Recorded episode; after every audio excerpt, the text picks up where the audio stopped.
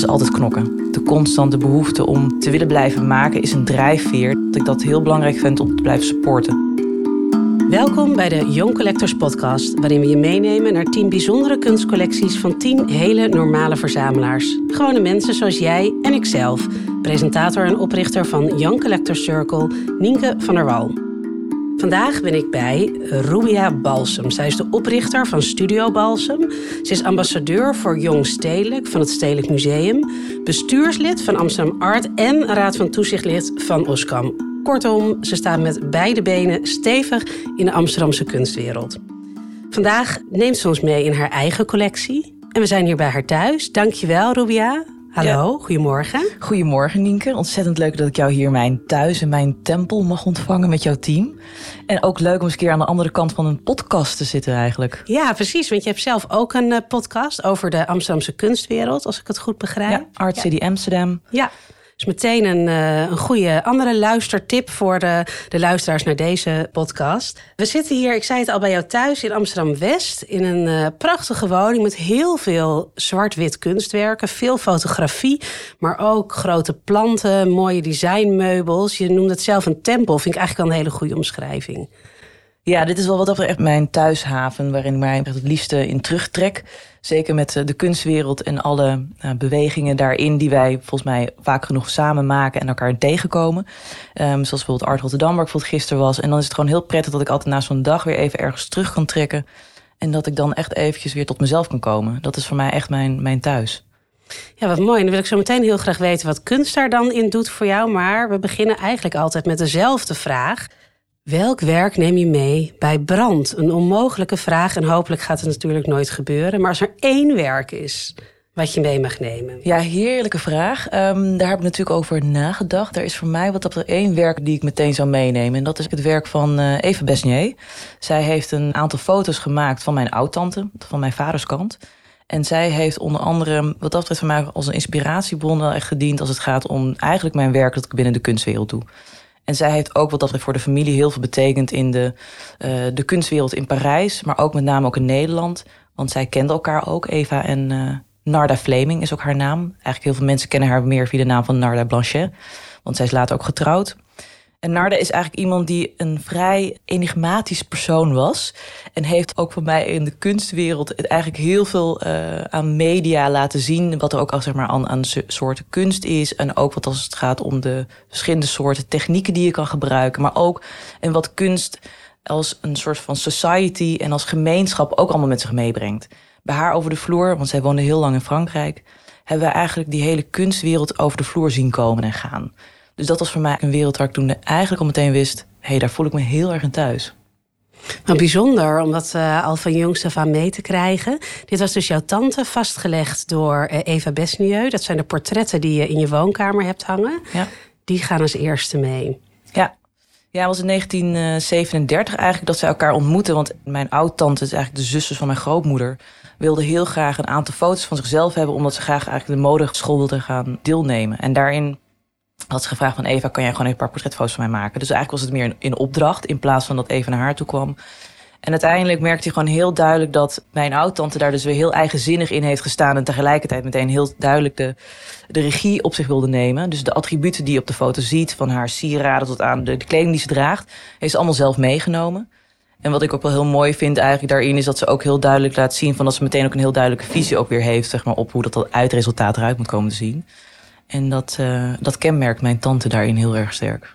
En zijn die portretten alleen in familiebezit? Of zijn die ook, want Eva Besnier is natuurlijk een hele bekende fotografe. Er zit ook in uh, grote collecties, het Stedelijk Museum bijvoorbeeld. Die portretten van jouw tante, zijn die alleen in de familie gebleven? Nee, wat dat betreft zijn deze portretten, um, denk ik, ook vanuit verschillende soorten foundations natuurlijk ook verspreid. Daarnaast denk ik ook dat er een aantal musea het ook gewoon direct hebben aangekocht vanuit kunstverzamelaars. We hebben wat dat betreft binnen onze eigen familiecollectie een stuk of tien oplagen, zeg maar, die we hebben gekregen via de, de collectie of de erfenissen vooral. En dat is uiteindelijk via mijn vader en ook via mijn oom, maar ook tegelijkertijd dus zeg maar via de zoon weer van mijn oom binnen onze familie behouden gebleven. Dat willen we ook graag doen. Dus ook de werken die ik hier heb hangen, wil ik ook heel graag binnen de familie houden. Dus dat is ook eigenlijk meer werk wat ik meer niet zozeer van mezelf zie, maar echt van, van uh, de familie Balsem. Ja, bijzonder. Want ik kan me voorstellen dat het, het is zo persoonlijk voor jou. En tegelijkertijd, uh, omdat het door deze fotograaf gemaakt is, is het ook in de wereld verspreid. Iemand die voor jou een familielid is, is voor iemand anders een mooi portret wat ze in een museum zien. Vind je dat een gek idee? Of een te gek idee? Nou ja, misschien meer een, een, een, te gek idee. Ook omdat voor mij de, de manier waarop ik misschien de, de kunst in mijn huis heb, heel persoonlijk van aard is. Ik denk dat de kunst die ik verzamel veel meer te maken heeft met de verschillende soorten verhalen die je via kunst kan verzamelen. En dat zijn dan vooral voor mij in dit geval verhalen over de persoon wie ik ben. Maar eigenlijk dus ook daarmee dus de hele historie van mijn geschiedenis, van mijn familie. Tegelijkertijd denk ik ook dat de verhalen die ik misschien ontmoet via alle werken die ik weer geërfd heb van mijn familie um, heb ik daarmee mijn achtergrond ook beter leren kennen.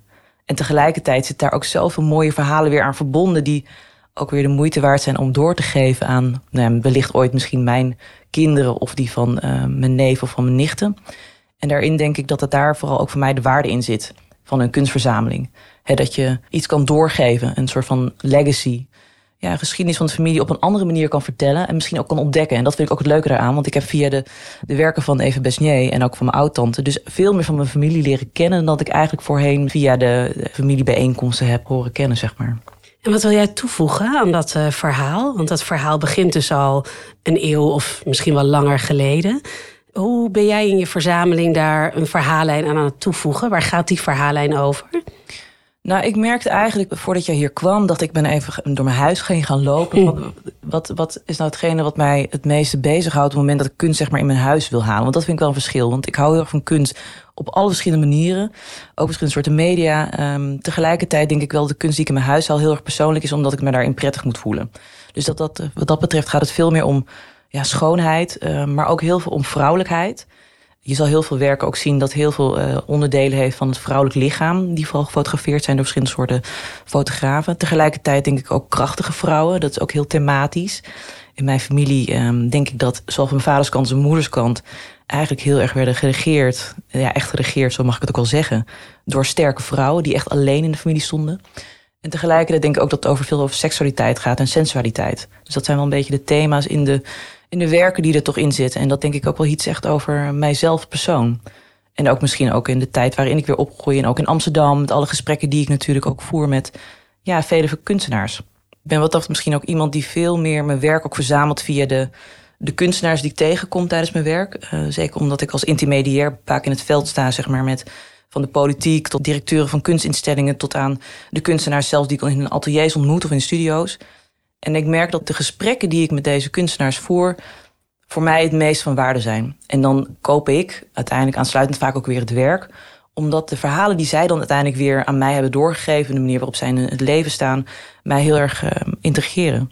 En kun je eens zo'n werk omschrijven, wat misschien heel exemplarisch is voor jouw collectie of voor deze lijn van sterke, krachtige vrouwen?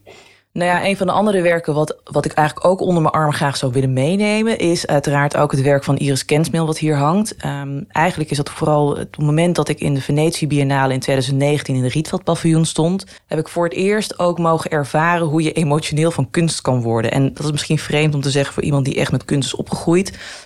Ik denk dat ik toen voor het eerst ook echt heb mee mogen maken dat uh, iets je zo uh, diep van binnen raakt dat je op een gegeven moment daar even van kan schrikken. En dat ik daar te midden van al deze mensen bij de opening sta en dat die werken in één keer tot mij uh, doordringen. En dat heeft te maken, denk ik, toch met het feit dat Iris Kensmel en Remy Jongeman, die daar toen aan exposeerden, iets uitstralen in hun werk. Dat heel resoneerde in wat ik zelf eigenlijk doe als mens binnen mijn werk, maar ook in mijn persoonlijke leven. Waarin mijn culturele achtergrond, ik heb ook een Surinaamse en Indonesische achtergrond, ben ook Nederlands. Maar waarin je heel duidelijk ziet dat eigenlijk het niet zozeer meer de, de focuspunt gaat om het Surinaams zijn of het Indonesisch willen zijn. Of moet je kiezen tussen de twee hokjes of de categorieën. Maar dat het veel meer gaat om wat wil je zelf eigenlijk in die toekomst meegeven en meebrengen. En dat gaat het veel meer over nieuwe visuele talen die je wilt toevoegen. Maar in dat geval voor mij ook veel meer dat, uh, dat hele palet wat er onontdekt is vanuit deze kunstenaars. Vanuit uit verschillende soorten achtergronden of communities. Om die samen te mogen brengen en om dat er te mogen laten zijn. Dus dat het veel meer gaat om wat breng je als kleur ter tafel. Eigenlijk meer in de, creatieve zin van het woord en meer de artistieke zin van het woord.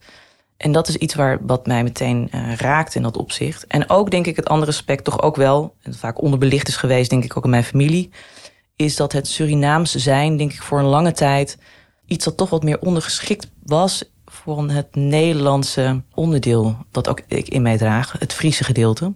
En dat is denk ik ook iets wat, wat ik tegelijkertijd ook heel herkende in de werken, dat het nu in één keer gelijkwaardig daarin aanwezig mocht zijn. Dat het erkend werd en dat, dat het een podium kreeg. Dus daarin denk ik dat ik daar uh, een, bijzonder moment had. Dus dat werk van Iris Kensmil en de, mural van uh, Audrey Lorde, die daar uh, heel prominent aanwezig was. Dat, dat dacht ik, ja, dat werk wil ik zo graag hebben. Maar ja, het is een mural, dus dat is never gonna happen. Toen kwam ik in één keer met Dave van Krimpen tegen. Zij heeft een galerie hier in Amsterdam. Heerlijke dame met ontzettend veel ballen ook. Toen zei ze in één keer, ja, ik heb dat werk van Iris Kensmil. Toen dacht ik, ja, ik ben natuurlijk de eerste koper die daar meteen bovenop gaat zitten. En zo hangt het dus uiteindelijk in mijn slaapkamer. Kun je het werk omschrijven? Het is eigenlijk een, um, een getekend geschetst portret van Audre Lorde. Een, um, een belangrijke uh, zwarte feministische Amerikaanse kunstenaar, dichter, um, activiste. Die met name door Iris Kensmil eigenlijk vanuit een soort van onderzoek vanuit de zwarte beweging, die een belangrijk onderdeel hebben uitgemaakt voor het schapen van weer een, een nieuwe toekomst, noem ik het maar eventjes. Hè, waarin eigenlijk de, zwarte historie altijd onderbelicht is geweest. En daarin wil zij vooral het podium aangeven. En over dat werk heen zie je gewoon een aantal nou eh, zwarte blokken. En die zijn geïnspireerd eigenlijk op het modernisme van Malevich. Om eigenlijk ook weer die twee werelden op een bepaalde manier, een nieuw black modernity, neer te kunnen zetten. En dat werk symboliseert natuurlijk ook wat die werelden weer samen te brengen. En dat is voor mij ook heel belangrijk, maar tegelijkertijd ook het podium voor deze fantastische vrouw, Audre Lorde, te geven. Die ook weer een fantastische titel heeft, The New Utopia Begins Here. Dat raakt tegelijkertijd ook wel heel erg aan mijn werk, wat ik aan het doen ben ik ben heel veel bezig met het, het uh, creëren van mijn omgeving. En dat doe ik ook in mijn werkzaamheden. Ik hou me heel veel bezig met stedelijke ontwikkeling, de toekomst van de stad en daarin welke rol kunst cultuur kan spelen. Dus uh, de maakbaarheid van die omgeving en tegelijkertijd ook dat wat onderbelicht is geweest in onze geschiedenis, maar ook de, de stemmen en de, de talen die daar geen ruimte in hebben gehad vanuit de soort communities, maar ook vanuit de zwarte gemeenschap, die zijn daarin uh, ja, onderbelicht geweest. En dat hoef ik niet aan iedereen uit te leggen dat te integreren weer in zo'n toekomst, dat is heel belangrijk voor mij. En dat wil ik graag ook weer een podium geven.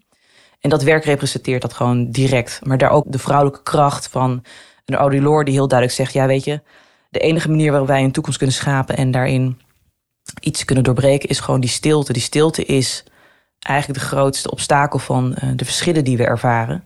En dat is iets wat je te harte moet nemen, dat je altijd je kan uitspreken. En het hoeft natuurlijk nooit perfect te zijn of het hoeft nooit goed vertolkt te zijn. Maar het gaat erom je uit te spreken en dat podium te pakken als je die kans hebt. Je, je zei eerder, als ik thuis kom, dan uh, wil ik me ook helemaal kunnen ontladen. Dan wil ik echt in mijn eigen oase zijn. Tegelijkertijd uh, hebben sommige van deze werken, ook het werk wat je net omschrijft, natuurlijk ook echt wel een hele, nou ja, soms heftige lading. Gaat ook heel erg over uh, de onderwerpen die je net benoemt. hoe rijm je dat dan met elkaar? Nou, ik ben een sensitief persoon. In mijn leefwereld, ondanks het feit dat ik best wel aan de zakelijke kant van de kunstwereld mij begeef. Ik hou heel, erg van om structuur aan te brengen. Maar dat heeft denk ik ook wel te maken met het feit dat ik iemand ben die ontzettend groot emotionele leefwereld in zich draagt. En als ik dan thuis ben, wil ik heel graag daar weer ordening aan brengen. En kunst kan je daar heel erg bij helpen door alle informatie of alle prikkels die je op zo'n dag mee hebt gekregen, maar natuurlijk ook alle kennis die je tot je hebt genomen en ook alle gesprekken om dat weer ja, te contempleren. Hè? Dus het te kunnen bevatten, het, het op een of andere manier die wereld te begrijpen. En dat is wat kunst doet. Het geeft direct ook mee hoe je dat zeg maar weer wil integreren weer in je eigen leven of in je eigen denk, denkpatroon. Ik vind het ook heel belangrijk om mijn eigen voordelen constant te toetsen. Dus dat brengt voor mij de structuur, maar ook weer het begrip. Daardoor dus ook rust. En je vertelde net toen ik binnenkwam dat er ook een wand in je woning is die je de wishing wall noemt. Kun je daar wat over vertellen? Ja, ik heb hier mijn woonkamer waar wij uh, in zitten, heb ik een muur waar allerlei fotografie hangt. Dat is fotografie die ik sowieso graag wilde hebben. Veel Japanse fotografie, die vind ik fantastisch. Veel surrealisme, een beetje absurdisme zit er ook in. En tegelijkertijd zijn er ook een aantal werken die ik gewoon heb ingelijst. Het zijn gewoon prints of het waren kaarten van werken die ik ooit graag zou willen hebben. Nou, werken onder andere zou ik heel graag willen hebben van Zanele Maholi. Dat is een, een spaarpotje dat ik inmiddels aan het maken ben om uh, nou, een van hun werken uh, natuurlijk te willen aanschaffen via Stevenson. Dus dat, dat komt nog. Dus dat is voor mij een bepaalde manier ook om ja, jezelf constant daarin te blijven focussen. Wat vind je belangrijk? Hoe ga je toch op een bepaalde manier dat realiseren wat je graag wil? En dat is een soort van, soort van manifestatiemuur dan in dat opzicht. Precies, gooi het in het universum en uh, het komt. Uh, en ook heel realistisch, dus een spaarpotje aanleggen. Ben je daar zo gestructureerd ook in, in je collectie dat je denkt: dit is wat ik wil en zo ga ik daar naartoe werken? Of is daarnaast ook ruimte voor deze spontane belevingen, zoals je die net schetste, waarin je geraakt wordt en denkt: oh, maar dit wil ik nu, nu, nu hebben?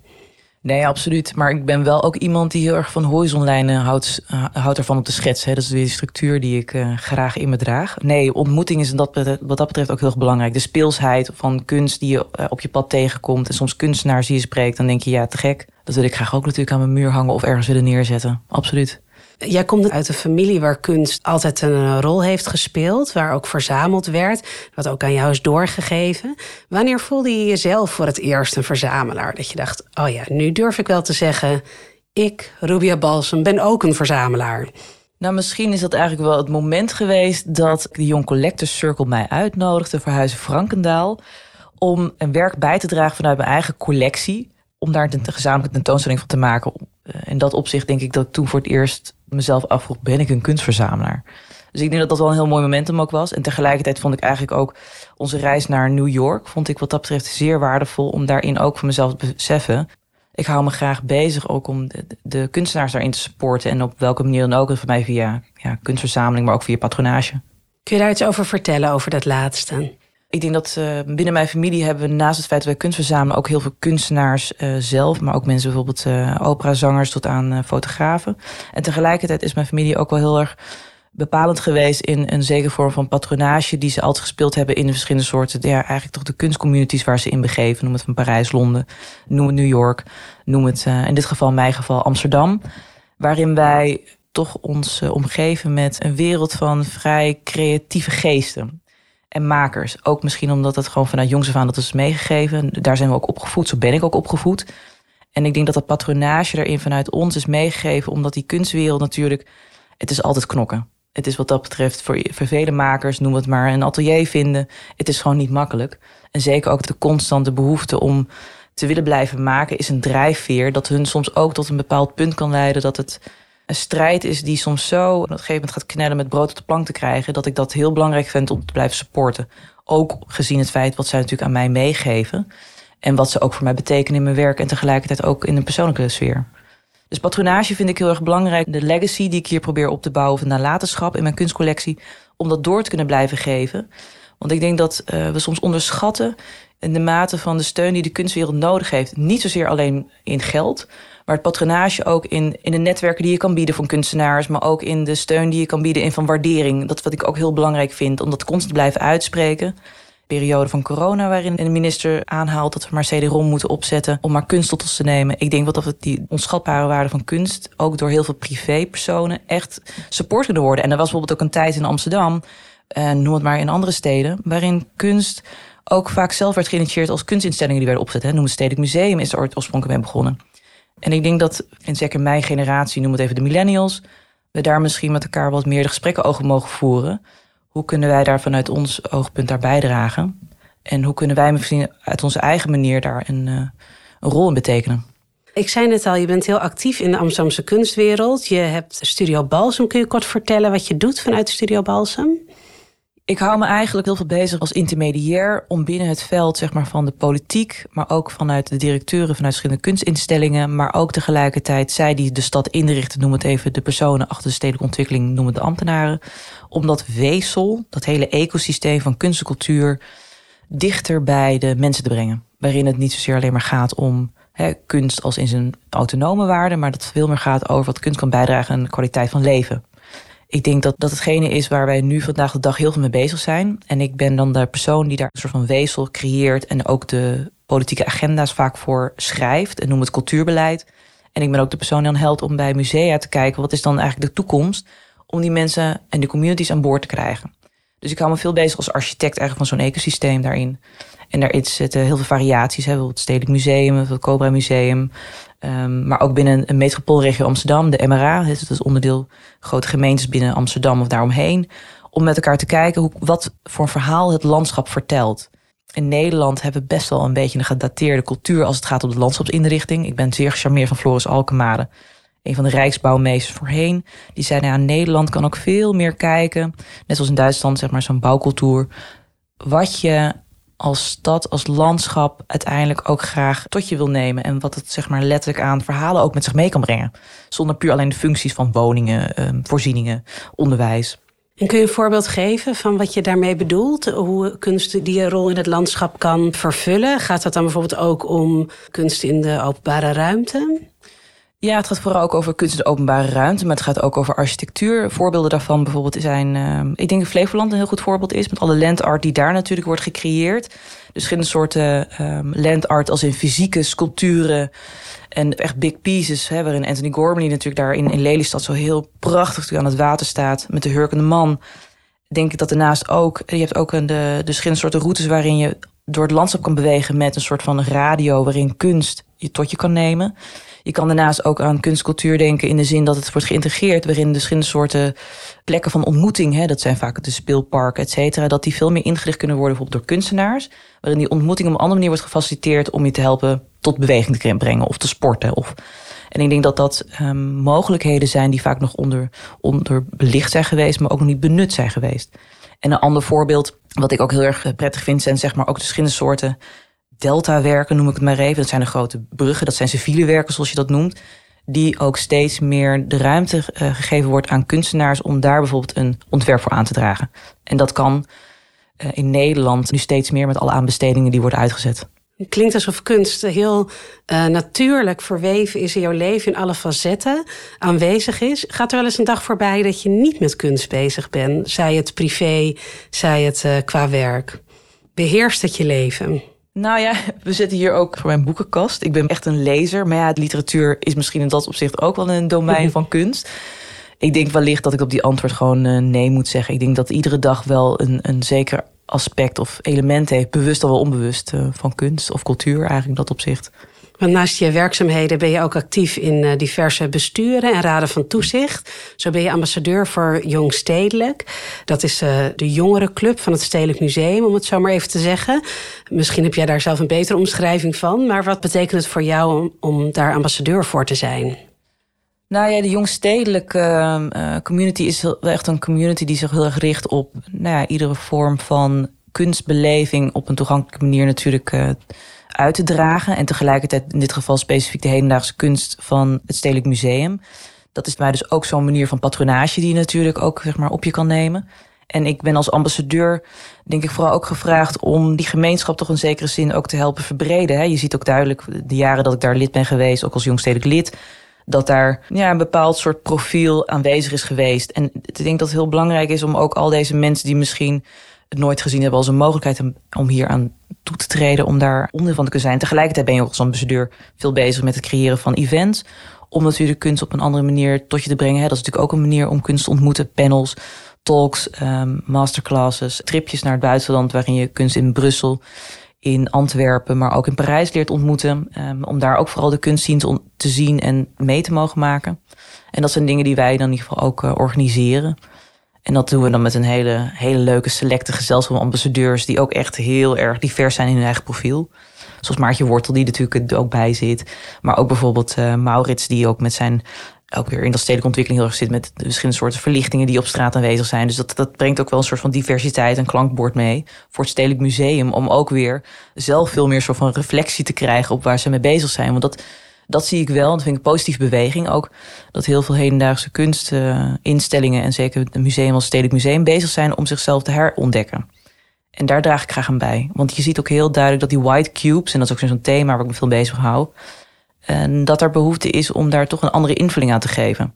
En dat is niet alleen maar een communityverbreding... maar ik denk dat het ook te maken heeft met de belevingswaarde die het museum kan bieden... maar tegelijkertijd ook hè, welke rol speelt de collectie dan... en wat is dan een collectie in zijn objecten... Uh, hoe gaan we daarmee om? Hoe kunnen we toch de, de vergeten stemmen en de niet aanwezige stemmen die ook niet mochten zijn, hoe gaan we die een plek weer geven? En die, die participatie, daar draag ik ook heel graag aan bij. Dus ik heb ook met uh, Rijn Wols daar wel gesprekken over. Hoe kun je, hoe kun je dat toch vergroten? Hoe trek je dat um, als museum naar je toe? Hoe kun je dat in de toekomst een nieuw museum neerzetten? En uh, eigenlijk op vergelijkbare wijze, uh, Amsterdam Art Weekend, Amsterdam Art Week moet ik inmiddels zeggen, is net achter de rug als wij dit gesprek opnemen. Het thema was ook daar Celebrate Change. kun je daar iets over vertellen waarom jullie vanuit Amsterdam Art voor dat thema hebben gekozen? Nou, Amsterdam Art is ook vanuit een privaat initiatief van uh, galeristen en ook kunstverzamelaars en ook een aantal investeerders is het opgezet om vooral de, de kleurrijkheid, maar ook het talent en de kwaliteit van onze um, kunstenaars en ook uh, de hedendaagse kunst die we hier hebben, vooral een toneel en ruimte te geven. Dus tien jaar geleden opgezet. Dus nou ja, het jubileumjaar uh, viel toevallig ook dit jaar. En daar hebben we gezegd, ook na tijden van pandemie die misschien nog niet geheel aan ons voorbij is gegaan, maar toch een beetje aanwezig op de achtergrond. Dat iedereen ook weer behoefte heeft om de stad die de, rijkdom aan talenten van kunstenaars met zich meedraagt, om dat weer te mogen vieren. En ook met name ook alle verschillende soorten kunstinstellingen, maar ook de galeries die daaraan bijdragen. Om die weer een podium te geven op wat zij daaraan bijdragen in dat hele weefsel, dat ecosysteem ook weer. En dat is voor ons ook een belangrijk momentum ook, ook geweest om met Amsterdam Art te kijken van ja, wat, wat is onze rol daarin? Hè? Wat is, uh, welke plek nemen we nu in, maar misschien ook voor de toekomst? En heel duidelijk ook dat de kunstwereld van Amsterdam zich tot ver buiten de ring uitstrekt. Iets wat in het verleden natuurlijk heel vaak eh, gezien werd als iets Amsterdam centrumachtigs.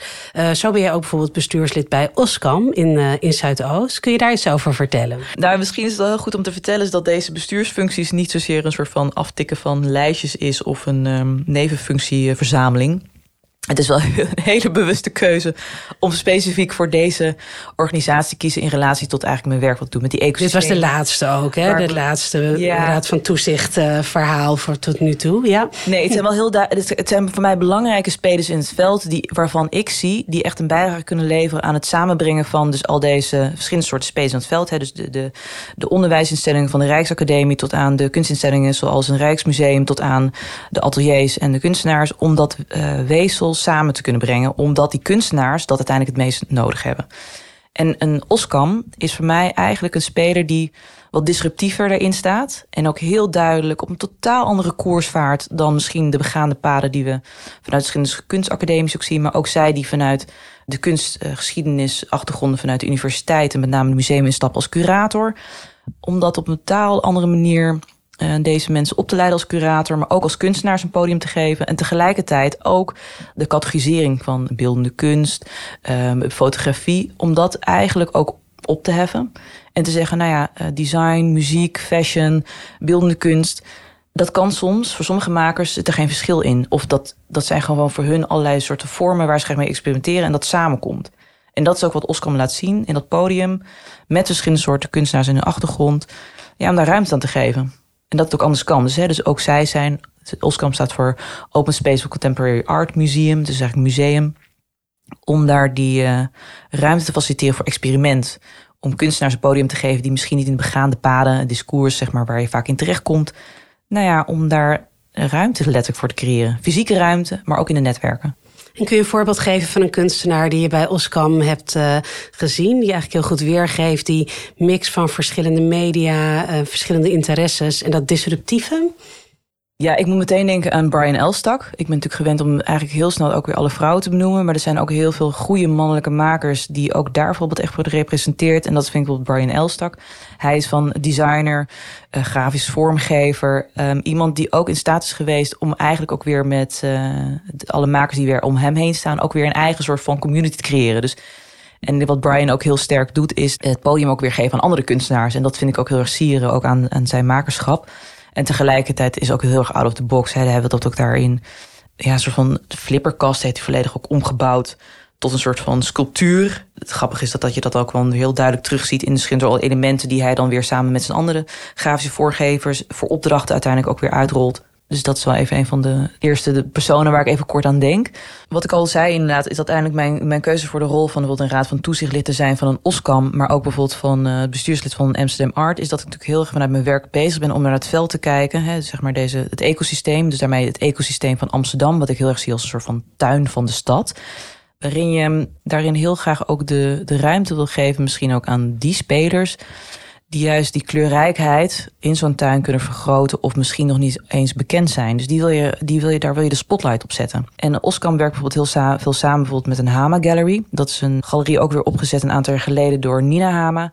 Die heeft gezegd, nou weet je, ik ken gewoon zoveel kunstenaars die nog niet een plekje ergens hebben gekregen. Laat ik daar nu een kans voor bieden. Nou, een van die personen is bijvoorbeeld een kunstenaar, fotograaf, is Miriam Slimani. En wat ik zo bijzonder in haar werk vind, is dat zij haar moeder gewoon gebruikt als een muze voor al haar fotografie. Het is ook heel erg kleurrijk. Het is echt een, zij is een Marokkaanse fotografe. En haar moeder is ook Marokkaanse. Maar de manier waarop zij lol hebben en de plezier de waarop zij met elkaar deze kunstwerken, of in ieder geval de fotografie, tot stand brengen, dat spat er echt vanaf in die energie. En dat is voor mij iets, denk ik, dat um, wat ik ook heel duidelijk ook in de kunstverzameling thuis ook heel duidelijk zie, is dat die die rol van die, die muze, die verschillende soorten vormen kan krijgen, dat dat ook een, ja, een aspect is in die kunstwereld dat mij heel erg fascineert. Dat is ook iets waar mijn oud-tante, naar de Fleming of naar de Blanchet, zich heel veel mee bezig heeft gehouden. Ook omdat ze actrice was. Hè, dus zij was ook voor heel veel regisseurs ook weer een muze. Maar ook om de, de manier waarop zij die kunstverzameling zelf ook weer heeft gecreëerd. En ook het feit dat die vrouwelijkheid ook hier in mijn huis zeg maar ook heel aanwezig is. De rol van de muze daarin die kan uit vanuit een male gaze perspectief zijn, maar die kan ook heel erg van een female gaze perspectief zijn. En die beide kanten, ja, dat, dat intrigeert mij dusdanig dat ik daar ook een beetje in ben gaan verdiepen. Ook in mijn eigen familie, hoe zit dat nu eigenlijk? En daar kom je verhalen tegen die in die kunstwereld soms ook zo dominant zijn geweest. Ja, noem het even Picasso. En ja, dat grenst dus ook weer aan mijn kunstverzameling. Want ik heb hier bijvoorbeeld ook oude prins uh, lithografie hangen van Herbert Lespinas. En hij was een persoon die mijn oud-tante dus een lange tijd heeft verzorgd tot aan zijn doodsbed. Maar hij is getrouwd geweest met uh, Gabi Lespinas. En zij was ook letterlijk een van de muzes van Picasso. En in mijn familie hebben we dus heel lang al deze liefdesbrieven en liefdesverklaringen, maar ook zoals een trouwverzoek van Picasso aan haar, hebben wij in ons bezit gehad. Maar ook werken van Picasso. En die hebben we op een gegeven moment uh, geschonken zelfs. Of uh, verkocht aan een aantal kunstverzamelaars. Waarin mijn tante daar ook een boek over heeft geschreven. Over het leven van Herbert Lespinas. Maar eigenlijk ook de rol van uh, Gabi en haar muze zijn. En ik heb hier ook werken van uh, Jiske Schols. Ook weer een, een, een naaktportret van een dame. Waarin over dat patriarchale, die muzefunctie ook weer heel erg duidelijk naar voren komt. En daar komen soms verhalen achter die kunstenaars weer ontdekken. Uit oude archieven. Of weer verhalen die er grenzen aan een kunstwereld. Die ja, bijvoorbeeld weer zo'n Picasso bijvoorbeeld heel erg inspireren. Ja, dat zijn een bepaalde een soort van intriges of een, um, ja, een soort van gaze. Waar ik uh, ook weer heel veel leer om die kunstgeschiedenis op een andere manier tot mij te nemen. Want ik heb geen kunstgeschiedenis gestudeerd. Maar heb op een hele andere manier die kunstwereld uh, leren kennen. Via de verhaallijnen van al deze verschillende soort personages die in het leven van mijn tante waren. Dus ook in mijn leven. Dus al die kunstenaars die ik spreek. Um, en wat hen inspireert. En kun je het verhaal achter het werk van Jitske Schols vertellen? Misschien kun je ook omschrijven wat het werk is wat we zien?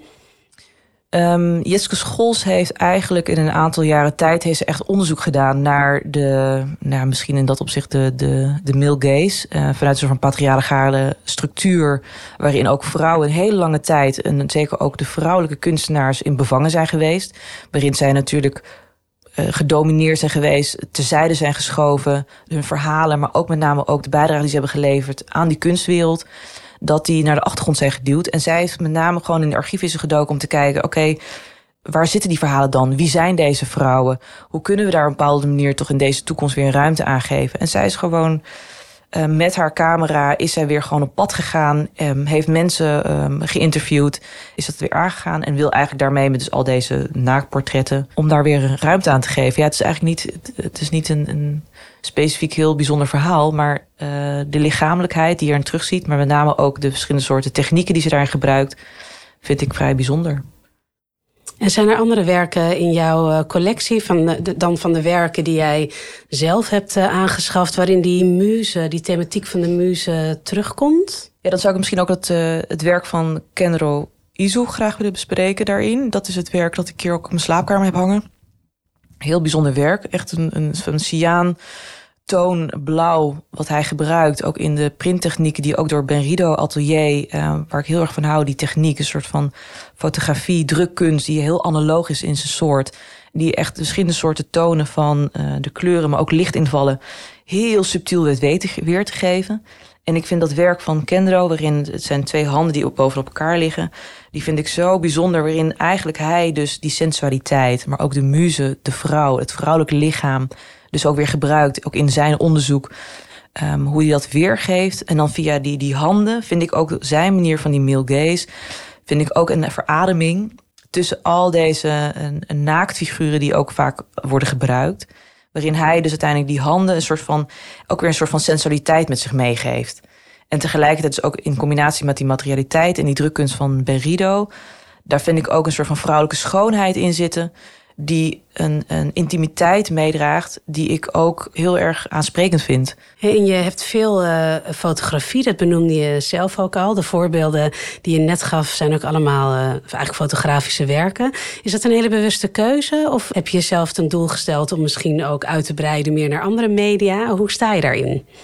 Fotografie is denk ik voor mij toch wel het medium waar ik me het, het meest toe aangetrokken voel. Ik, um, en maar dat gaat toch wel om het feit dat het werk is dat ik graag in mijn huis wil hebben hangen. En er zijn ook heel veel andere werken die ik fantastisch vind om in een museum te zien. Ik hou ook van grote sculpturen.